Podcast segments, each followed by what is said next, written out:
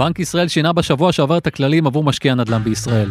אם עד כה אחת האפשרויות להפוך למשקיע נדל"ן הייתה לגשת לבנק ולמשקיע נכס קיים, נניח דירת המגורים שבה אנחנו מתגוררים, ובדרך זו לייצר בסיס הון לקראת רכישת דירה להשקעה, לא עוד. בדרך זו מנסה הבנק המרכזי לשפוך מים קרים על תחום הנדל"ן הרותח ששובר שיאים. רף המשכנתאות נמצא בשיא של כל הזמנים, וגם מחירי הדירות נמצאים במגמת עלייה.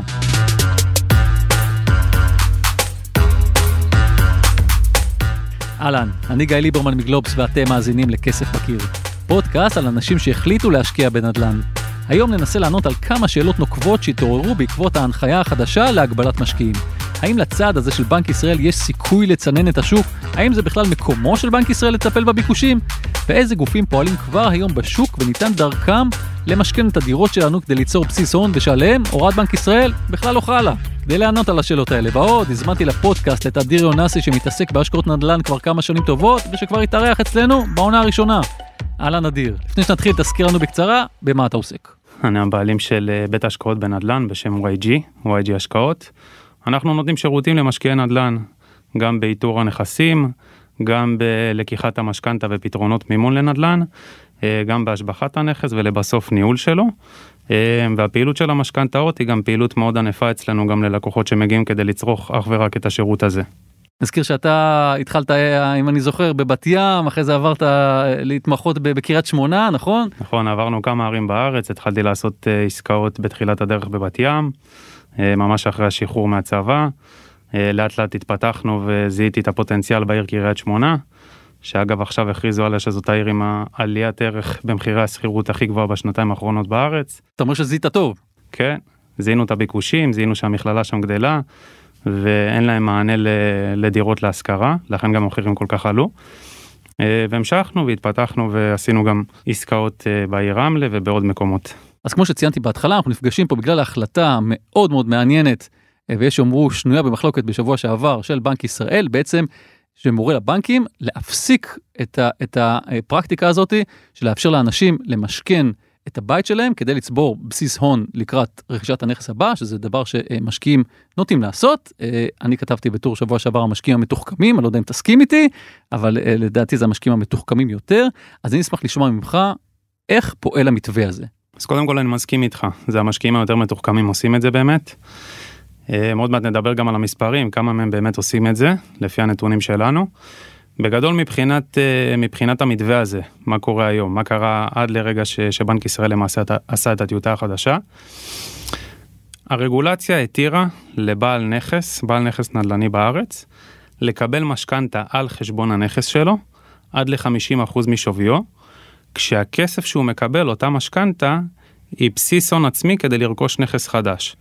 לצורך הדוגמה נוריד את זה למספרים, ללקוח פלוני אלמוני יש נכס בשווי 2 מיליון שקלים, הוא יכל לחלץ עד מיליון שקלים מתוך אותו נכס, שהמיליון שקלים האלה זה הון עצמי כדי לקנות את הנכסים הנוספים. הוא רוצה לקנות נכס נוסף עוד פעם בשני מיליון שקלים, הוא יכול לקחת מיליון שקלים מהנכס הקיים שלו, פלוס מיליון שקלים מהנכס החדש, וככה לקנות נכס בשני מיליון שקלים.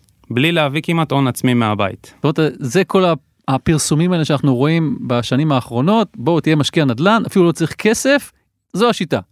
בגדול כן. אוקיי, ותגיד, השיטה הזאת, עד כמה באמת השוכרים משלמים לי את המשכנתה לבנק? אז אפשר לחלק את זה לשניים למעשה. אם אנחנו מדברים על הפריפריה יותר, בגלל שהתשואה יותר גבוהה, זאת אומרת אפשר להגיע ל-4 או 5 אחוזים, אנחנו כן אה, עשינו ואנחנו רואים עסקאות שבהם גם אם אנחנו נגיע למינוף מלא, זאת אומרת של 95 או אפילו 100% ממחיר הרכישה, עדיין אנחנו נצליח להגיע למצב שהשכירות תחזיר את מלוא המשכנתה.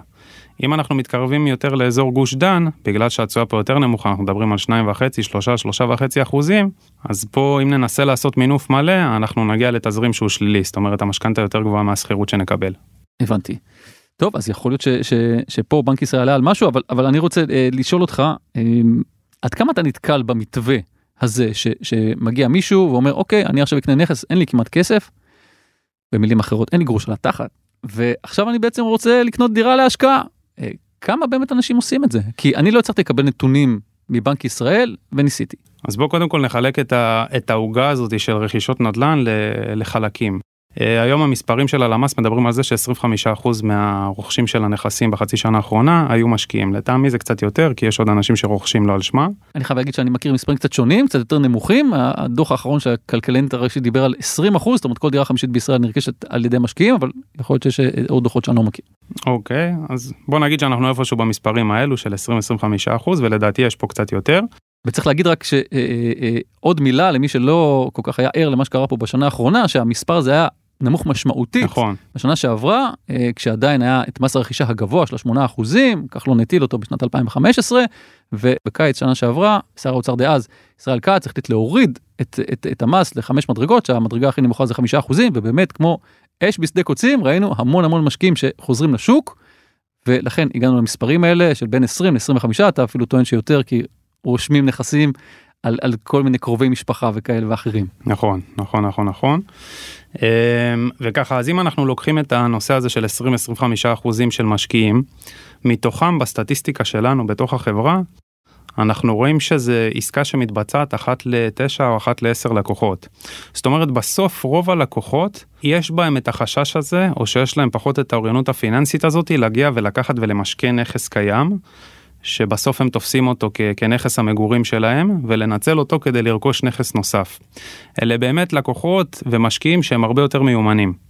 תגיד, איך הם מגיעים בכלל למתווה הזה? זאת אומרת, בן אדם לא קם בבוקר ואומר לעצמו, אוקיי, אני אחשוב עכשיו איך אה, לרכוש דירה להשקעה, רגע, אני אקח את הנכס, אני, אני משכן אותו, אני משכן גם את הנכס אה, אה שאני קונה. איך בכלל אנשים מגיעים למחשבה הזאת? איך אתה, איך אתה הופך להיות משקיע מתוחכם בכלל? קודם כל יש שם בשוק אה, ענף שמאוד מאוד מתפתח שנקרא ייעוץ משכנתאות והרבה לקוחות היום נעזרים בבעלי מקצוע.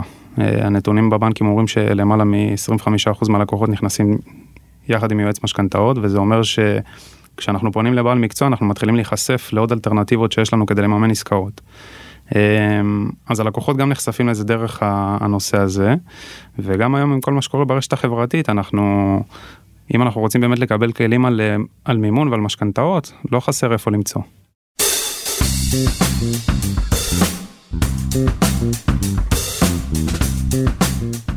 אז אתה אומר שבעצם, אה, אם נחזור למספרים שלכם, אתה פוגש את המתווה הזה באחת מכל עשר עסקאות, שמראש אמרנו ש, שמשקיעים חלקם בשוק הוא משהו כמו היום בין 20% אה, ל-25%, ואני מסתכל על השוק היום, שאנחנו הולכים כנראה להגיע לעוד שיא בלקיחת משכנתאות, משהו כמו אולי נגיע ל-100 מיליארד שקל אה, בשנה, אם המספרים ימשיכו בקצב הגבוה הנוכחי שלהם. ואני שואל, האם זה באמת מה שיעצור את טירוף הנדל"ן? לדעתי לא, כי זה איזושהי טיפה בים. אה, בסוף, כמו שאמרנו, אם אנחנו מדברים על 1 ל-9 או 1 ל-10 מתוך 25% אה, משקיעים או 20% משקיעים, אז אנחנו מדברים פה על אולי 2% או 1% מכלל הרוכשים, שאיכשהו בנק ישראל מנסה לחסום אותם. אמ, ובנוסף, חשוב לציין שהמשקיעים האלו, שהם משקיעים יותר מתוחכמים, יש להם אלטרנטיבות נוספות, שהם לאו דווקא הבנקים, והאלטרנטיבות האלה היום הם, אה, הם דווקא די זולות ביחס למה שהיה בעבר. אלטרנטיבות שאתה אומר שהן גם לא מפוקחות על ידי בנק ישראל, אז בכלל נכון. הם לא רלוונטיים להנחיה הזאתי? תסביר. יש שם קודם כל הרבה חברות ביטוח שנכנסו לתחום, אה, לתחום המשכנתאות, רובם באיזשהו מוצר שנקרא משכנתה הפוכה, ולאט לאט התחילו להיחשף גם למשכנתה הרגילה של משכון נכס לצורך רכישת נכס חדש, אה, אם זה כלל ביטוח, אם זה מנורה, אם זה הראל. מעבר לזה יש קרנות שהן קרנות חוץ בנקאיות, שהן גם מגייסות כסף במחיר זול יחסית מגופים מוסדיים. אה, חברות P2P למיניהן וקרנות שמיועדות לזה. מה השירות שהן מציעות בתחום? הן נותנות משכנתה רגילה כמו שבנק נותן, משכנתה שלמעשה יש לה גם יכולת פריסה הרבה פעמים יותר טובה מאשר הבנקים, זאת אומרת יש אפילו גופים שנותנים עד 40 שנים של אה, משכנתה, שזה מקטין משמעותית את ההחזר החודשי. האלטרנטיבה שלהם מול הבנקים זה בזה שהם אה, בדרך כלל גם מגיבים יותר מהר, הם לא מפוגחים תחת אה, בנק ישראל הם מפוקחים תחת שוק ההון, ולכן גם הם יכולים להגדיל את האחוזי מינוף למשקיע, גם עם הדירה השנייה שלו, אני לא מדבר על הדירה הראשונה שהוא מנסה למשכן, בדירה החדשה שהוא רוכש, הם יכולים להגיע מעל 50 אחוז, גם ל-60 אחוזים, אפילו ראיתי מקרים של 65 ויותר. אז רק שאני אבין, היום אני יכול, במקום ללכת לבנק ולמשכן מחצית מהנכס שלי כדי לצבור את בסיס ההון לקראת הדירה להשקעה הבאה שלי, אני יכול ללכת פשוט לחברות שציינת, לכלל, להראל, לטריה וכאלה, נכון. ולקבל את אותו המימון. נכון. ולבצע את אותה הפעולה. בדיוק. וההנחיה של בנק ישראל לא רלוונטית. אליהם לא. אליהם לא. מה המחיר? אני מניח שהמחיר הוא ריביות גבוהות יותר. אה, כן, מהזולים ביניהם אנחנו נגיע לריביות ממוצעות של שלושה וחצי אחוזים, מהיקרים יותר אנחנו נגיע לחמישה וחצי אחוזים, ופה באמת כבר צריך להיכנס לכלכליות של עסקה. האם ה... נקרא לזה חלק הזה של המינוף, אם אני משלם עליו יותר יקר, האם זה שווה לי? כי בסוף אני כן יכול לקנות את הנכס החדש בעזרת הבנק. מה שחסמו אותי זה רק למשכן את הנכס הקיים. הבנתי. וכשאתה מדבר על, על uh, הטווח ריביות הזה, מה הטווח ריביות הקיים היום בממוצע אצל, uh, uh, אצל הבנקים, שנמצא אצל הבנקים? במשכון נכס קיים זה גם ריבית קצת יותר יקרה מאשר המשכון של הנכס החדש הנרכש, אז כיום אנחנו מדברים גם על אזור ה-2.5 עד 3 אחוזים. זאת אומרת זה לא המחירי רצפה שאנחנו מכירים שאומרים לא. לנו כבר הרבה הרבה מאוד שנים לכו היום הריביות הן בשפל. לא, יש סיווגים לבנק. אם הנכס שאני רוצה לרכוש, הנכס החדש, עליו המשכנתה, המשכנתה תהיה יותר זולה, ואם הנכס שאני רוצה למשכן הוא הנכס הקיים שלי, המשכנתה עליו תהיה יותר יקרה. יש לך אה, אה, רעיון למה זה קורה? כי למעשה הבנק פה מקבל עסקת חלומות, יש לו נכס שכבר קיים הוא בבעלותי, זאת אומרת מבחינת הביטחון, הביטחונות של הבנק זה הדבר הכי טוב שיש, והנה, רק תביא לי, רק תלווה לי כסף. אה, סיבה הגיונית ש... שאמורה להיות מזה זה יחסי אלימות הון שבנק ישראל הגדיר להם. אז uh, יש הרי סיווגים למשכנתאות גם, ולפי הסיווגים האלה הבנק צריך להקצות הון בצד, וחלק מזה זה יכול להיות זה. הבנתי. אז תגיד, מבחינת אותם גופים חדשים שבעצם מסייעים לנו באותו מתווה של משכון הנכס הקיים, כמה אנשים כבר באחוזים אתה רואה שהם מתחילים ללכת לחברות הללו? הרבה, הרבה. אנחנו מדברים על, אה, אם בעבר זה היה משהו שהיה קצת פחות נפוץ וחוץ בנקאי יש לו איזה סטיגמה כזה של חצי חוץ שוק אפור, היום כבר אין את הסטיגמה הזאתי, הרבה חברות שהן לגיטימיות נמצאות בנושא הזה של חוץ בנקאי, אה, ואני רואה עלייה לפחות של 80-90 אחוז ביחס למה שהיה בשנתיים שלוש אחורה. אז אפשר לצפות שעכשיו אחרי ההנחיה הזאת של אה, אה, בנק ישראל בעצם מי שירוויח מהמהלך הזה יהיו אותן חברות שעכשיו יקבלו אה, אה, אה, עוד לקוחות מאוכזבים מאוכזבים מהבנקים שכבר לא יכולים לספק להם את השירות הזה ופשוט ילכו לחברות הללו ישלמו קצת יותר אבל יקבלו את אותו השירות. חד משמעית, אני יכול להגיד לך שהם כבר אתמול אפילו התחילו להסתער על זה ולבדוק איך הם יכולים לייצר מוצרים שהם באמת מותאמים לקהל יעד הזה של משקיעים, של משכון נכס קיים. ואני חושב שהענף הזה הולך להיות בפריחה בגלל הרגולציה הכבדה שמטילים על הבנקים בכל הנושאים האלו, והענף הזה פורח. אגב, מי, ש... מי שקצת חסר לי בדיון, אני חייב להגיד, בתור עיתונאי שמכסה אה, אה, את התחום וקצת עוקב אחריו, זה הבנקים, אני חייב להגיד שהבנקים לפחות כשאני פניתי לא ממש אה, רצו לשתף פעולה ולהגיד מה הם חושבים על, ה, על ההחלטה הזאת של בנק ישראל ויהיה מאוד מעניין לראות אם הם אה, אה, ייאבקו בהחלטה הזאתי. לרוב הם, הם לא מנסים ללכת ראש בראש עם בנק ישראל.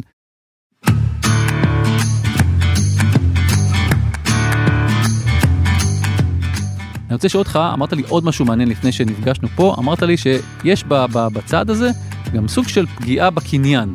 אם תוכל להסביר למה כוונתך.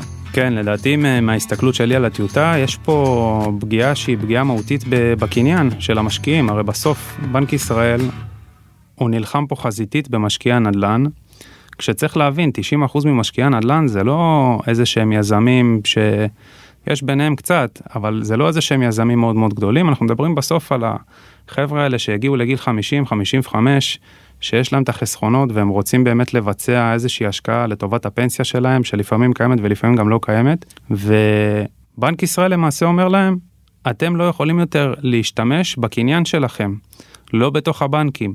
כשהרבה מהם למעשה מה, מהידע שלנו רכשו מראש את הנכסים שלהם להשקעה, או עשו את המשכנתאות מלכתחילה למטרה כזאת שביום מן הימים הם יוכלו למשכן את הנכסים האלו ולרכוש בעזרתם עוד נכסים. הרי צריך להבין שבסוף יש פה גם, אני בשטח רואה את זה, יש פה הרבה חבר'ה שמגיעים לגיל 45-50 ורוצים לקנות נכס כדי להטיב עם העתיד של הילדים שלהם. זאת אומרת, הם יודעים שהילדים היום בגיל יחסית צעיר רוצים לקנות נכס כדי שבגיל 30-35 הם יוכלו להיות עם נכס עם חצי משכנתה או בלי משכנתה, ובנק ישראל היום חוסם אותם לזה. הוא גם מגביל את הפעילות שלהם בשוק וגם ברמת הקניין העצמי שלהם. אגב, אני באופן אישי חייב להגיד שהיו לי גם על זה כמה שיחות פה בתוך המערכת ועם אנשים ש, שמתעסקים בתחום, אני לא מת על ההגדרה הזאת של משקיעים שמצמידים לכל אחד שיש לו אה, אה, שתי דירות. זאת אומרת, זה שיש לך נכס אחד שאתה גר בו ועוד נכס נוסף, מבחינתי לאו דווקא הופך את הבן אדם למשקיע נדל"ן, שישר יש להרבה אנשים זה כל מיני קונוטציות כאלה, אתה, פתאום אתה נהיה איזה בעל הון גדול והכל. יש פה מישהו שהחליט לחסוך או, או, או, או, או איכשהו להתפתח כלכלית בדרך הזאת, כי באותה מידה אתה גם יכלת ללכת לאיזשהו אה, אפיק חיסכון אחר, ואתה החלטת שהאפיק הזה הוא, הוא פשוט יותר נכון עבורך אה, לעתיד, אבל בישראל כל מי שיש לו אה, יותר מדירה יחידה, הוא נחשב למשקיע נדל"ן. נכון, וזה לא בושה להיות גם אה, בעל הון. אה, איפשהו יש איזה סטיגמה כזה בזמן האחרון ש... שהם האשמים. זה חבר'ה בסוף גם שהם אה, חסכו את הכסף הזה בעבודה קשה. אני אגיד איזה עוד, עוד אה, מילה, אה, גם אותם דירות ש, שאנשים קונים, בסופו של דבר הן משמשות מישהו אחר למגורים. זאת אומרת, אני עכשיו משכיר את הדירה הזאת, זה לא שאני עכשיו לקחתי את הדירה וזהו, והוצאתי אותה מהשוק והגברתי פה את ה... או הגדלתי את, ה, את, ה, את המחסור בשוק.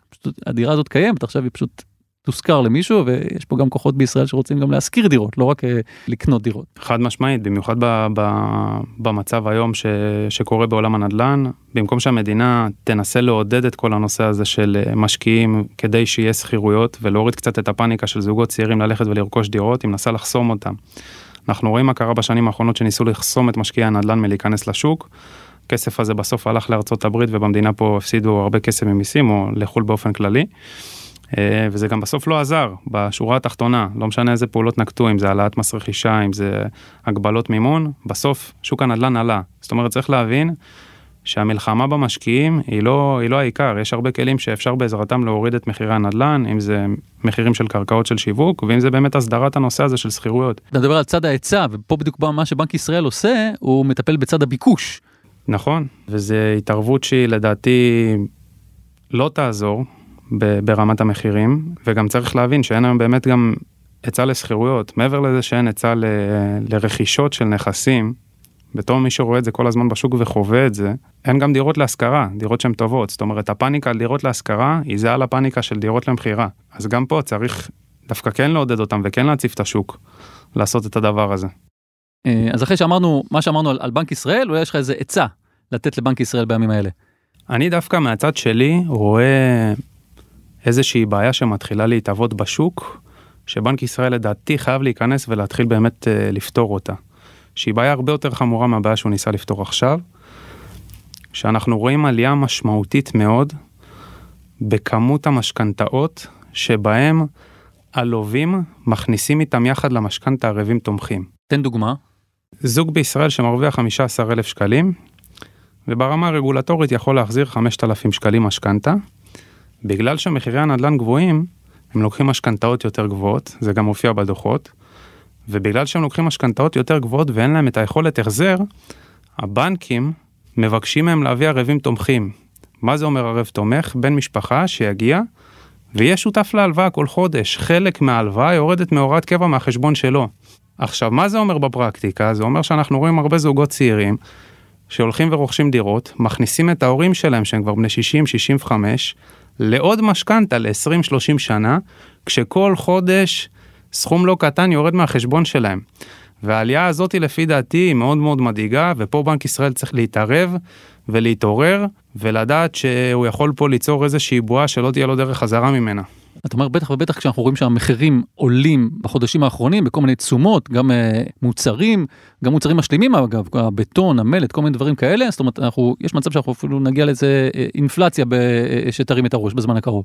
חד משמעית, האינפלציה הולכת להרים את הראש, והתוצאה של אינפלציה שתרים את הראש זה עלייה בריבית, ובנק ישראל לפני כמה חודשים התיר את הנושא הזה של לקחת משכנתה בריבית שהיא משתנה באחוזים גבוהים, זאת אומרת 66 אחוזים פריים. ואנחנו רואים יותר תיקים שנלקחים בתצורה הזאת של 50-60 אחוז פריים, עכשיו כל עוד הפריים נמוך והכל בסדר זה נחמד. אבל אם הפריים מתחיל לטפס בכמה עשיריות אחוז, חצי אחוז, אחוז, על סכומים של 700 אלף, 800 אלף, 900 אלף מתוך משכנתה של מיליון 200, מיליון 300, אנחנו כבר נתחיל לראות החזרים מאוד מאוד גבוהים, שהרבה זוגות יכול להיות שיתחילו להיכנס איתם לבעיות. טוב, אז אה, אה, אם בנק ישראל שומעים אותנו, אז אה, הנה, עצה שלנו אליכם. אדיר, תודה רבה. תודה לך. מבנק ישראל נמסר לגלובס בתגובה, קיימות אינדיקציות רבות ממקורות שונים לגבי פעילות משקיעים בשוק הדיור, למשל, פלח המשקיעים מכלל הרכישות. אינדיקציה לשימוש במשכון נוסף לצורך רכישה ניתן מהנתונים המפורסמים בגין האשראי לכל מטרה, קרי שלא למטרת מגורים, שכולל את כל ההלוואות שניתנו בשעבוד דירה קיימת. בשנתיים האחרונות חל גידול משמעותי ביתרת הלוואות לדיור בביטחון דירת מגורים, ולהערכתנו, חלק מהאמור שימש כמנוף לדירה להשקעה, קרי הלוואה בשעבוד דירה קיימת לרכישת דירה נוספת. כאמור זו תגובת בנק ישראל. עד כאן עוד פרק של כסף בקיר. אם אהבתם את מה ששמעתם, אתן מוזמנות ואתם מוזמנים לעקוב אחרינו באתר גלובס, בספוטיפיי או איפה שאתם מאזינים לפודקאסטים. ונשמח אם תדרגו אותנו גבוה באפל פודקאסט ותשלחו את הפרק לחברה או חבר שמתעניינים בהשקעות נדל"ן ועדיין לא שמעו על כסף בקיר. אם אתם בעצמכם משקיעים בנדל"ן ורוצים לספר לנו על ההשקעה שלכם, שלחו מייל לכתובת כסף.בקיר at גלובס.co.il, אותיות באנגלית כמובן. דניאל גל ערך את הסאונד, יואב וייסברג עורך את הפודקאסטים של גלובס. יאללה, אני עולה לירושלים כדי לדבר עם נגיד בנק ישראל, פרופסור אמיר ירון, אולי נגיע לאיזה מתווה מוסכם, כי דווקא מתאים לי למשכן משהו בקרוב. או שלא. אני גיא ליברמן. ביי.